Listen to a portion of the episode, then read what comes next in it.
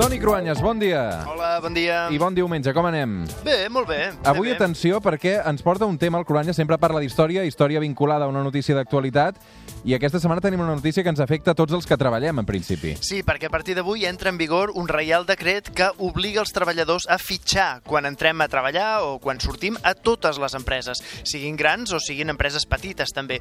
El que té més gràcia és que és una mesura per lluitar contra la precarietat laboral, és a dir, que fitxar a l'entrada i a la sortida de la feina no és per tenir controlat els treballadors, sinó per evitar l'explotació laboral per part dels amos de les empreses. D'aquesta manera quedarà constància de les hores extres, que a vegades sabem que no es paguen, tota la pesca. O a vegades és que hi ha un estudi que diu que en el global de les empreses a Espanya el 40% de les hores extres no es comptabilitzen, o sigui, no es paguen. I per tant, això va en detriment dels drets dels treballadors, clar. Suposo que la crisi i la precarietat també han fet que hi hagi treballadors que facin hores extres de manera més habitual. Sí, sobretot en les feines d'oficina, també en els àmbits acadèmics o, sobretot en aquelles feines molt vocacionals, perquè amb l'amenaça de l'atur, la competitivitat entre els candidats a un lloc de treball digne ens ha portat a uns accessos que són gairebé més propis de l'època de la revolució industrial. Doncs anem a l'època de la revolució industrial, anem a les primeres vagues. Avui amb el Toni Cruanyes viatgem a l'època de les fàbriques.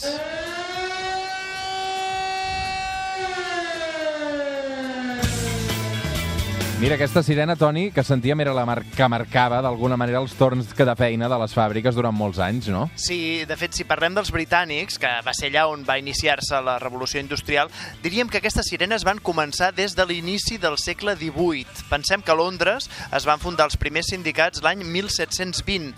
El primer va ser per crear una caixa de resistència per ajudar els que lluitaven pels drets dels treballadors que en aquelles èpoques eh, els empresonaven o eren acomiadats. I una de les primeres coses que van aconseguir els sindicats va ser precisament reduir la jornada de treball dels nens dels nens a 12 hores. T'imagines nens treballant, eh? I encara posant el límit a 12 hores. Clar, amb els ulls d'ara això és una explotació brutal. A més, el tipus de feina que devia ser duríssima, no? que es necessitava eh, molta mà d'obra, molta força física i una feina molt mecànica. Sí, hi havia aquelles cadenes de treball amb els homes vestits amb aquelles granotes blaves, amb fum, sutge...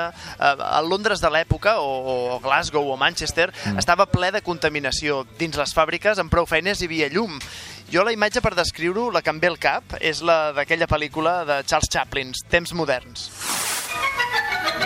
Chaplin the Great returns in modern times. A truly great film.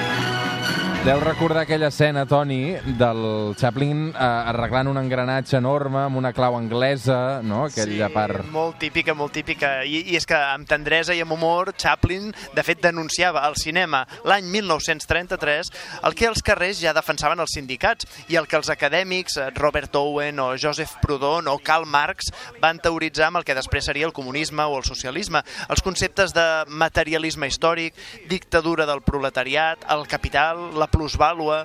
Eh, tot això seria la teorització de la lluita obrera als països que van fer la revolució industrial i que això els va transformar completament, també des del punt de vista de les classes socials i també políticament. I a Catalunya suposo que tres quarts del mateix. Sí, l'associacionisme obrer és molt antic, és hereu dels gremis i d'agrupacions d'oficis medievals. De fet, l'Associació de Teixidors de Barcelona, el 1840, podria considerar-se el primer del més semblant a un sindicat a Espanya. I també l'objectiu era com solucionar els problemes de l'atur, els salaris baixos, unes condicions laborals mínimes. Després vindrien els partits polítics. Per exemple, el Partit Socialista Obrer Espanyol es va fundar el 1879. De fet, ho van celebrar fa 15 dies al PSOE. Fa, D'això en fa 140 anys.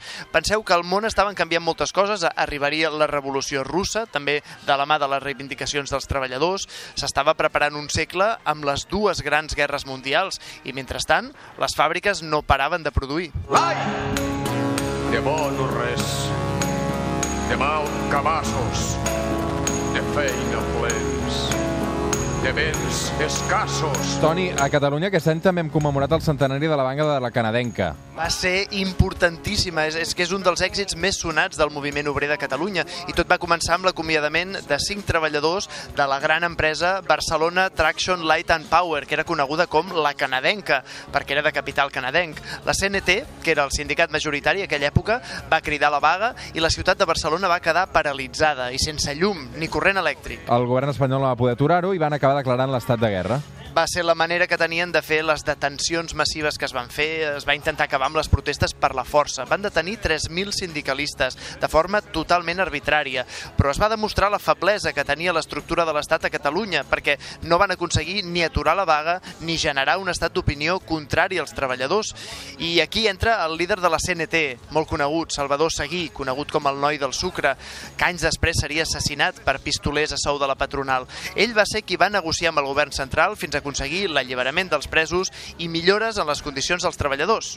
Tot això va passar fa 100 anys, va ser la primera gran victòria de la història dels sindicats a Catalunya. I potser podríem dir que l'única, de, almenys de tanta envergadura, perquè de fet, llavors, fa un segle, es va aconseguir la limitació de l'horari laboral a les 8 hores, les 8 hores que avui coneixem. Fins llavors es treballava dia i nit. Però després de la vaga de la canadenca... Doncs després de la vaga de Cladenca, els nans de la Blancaneus tornen a casa, després de treballar a la mina. No sabem si els eh, dibuixos animats de Walt Disney es complien les 8 hores laborals. En principi no, no? Home, la, la història del, movi- del moviment obrer és molt sagnant, però millor que ens ho agafem amb una mica d'humor. A banda dels dibuixos animats, eh, et proposo que escoltem un tros d'un famós Oh, monòleg del Pepe boníssim. Rubianes sobre anar a treballar. Segur que els oients també el recorden. Trabajo en la hostia, el trabajo hasta te pone cachondo, fíjate. Hay que ver lo cachonda que va la gente a trabajar a las 6, 7 y 8 de la mañana. Todo el mundo cantando y bailando por la calle. Vamos a trabajar, la la la la. ¿Dónde vais con esa marcha matinera? A trabajar. No he podido dormir en toda la noche esperando este momento de gloria. És que el deixaríem sencer, eh, Cruanyes?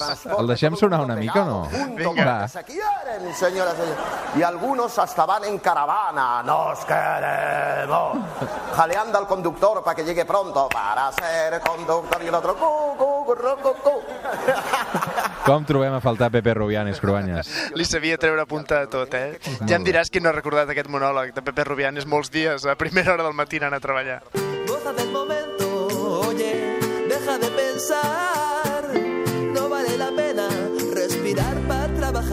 Avui arribarem fins a les 9 del matí amb aquest bon cobotraco que es diu Respirar per treballar. Toni, una abraçada fins la setmana que ve. Vinga, una abraçada i ens veurem.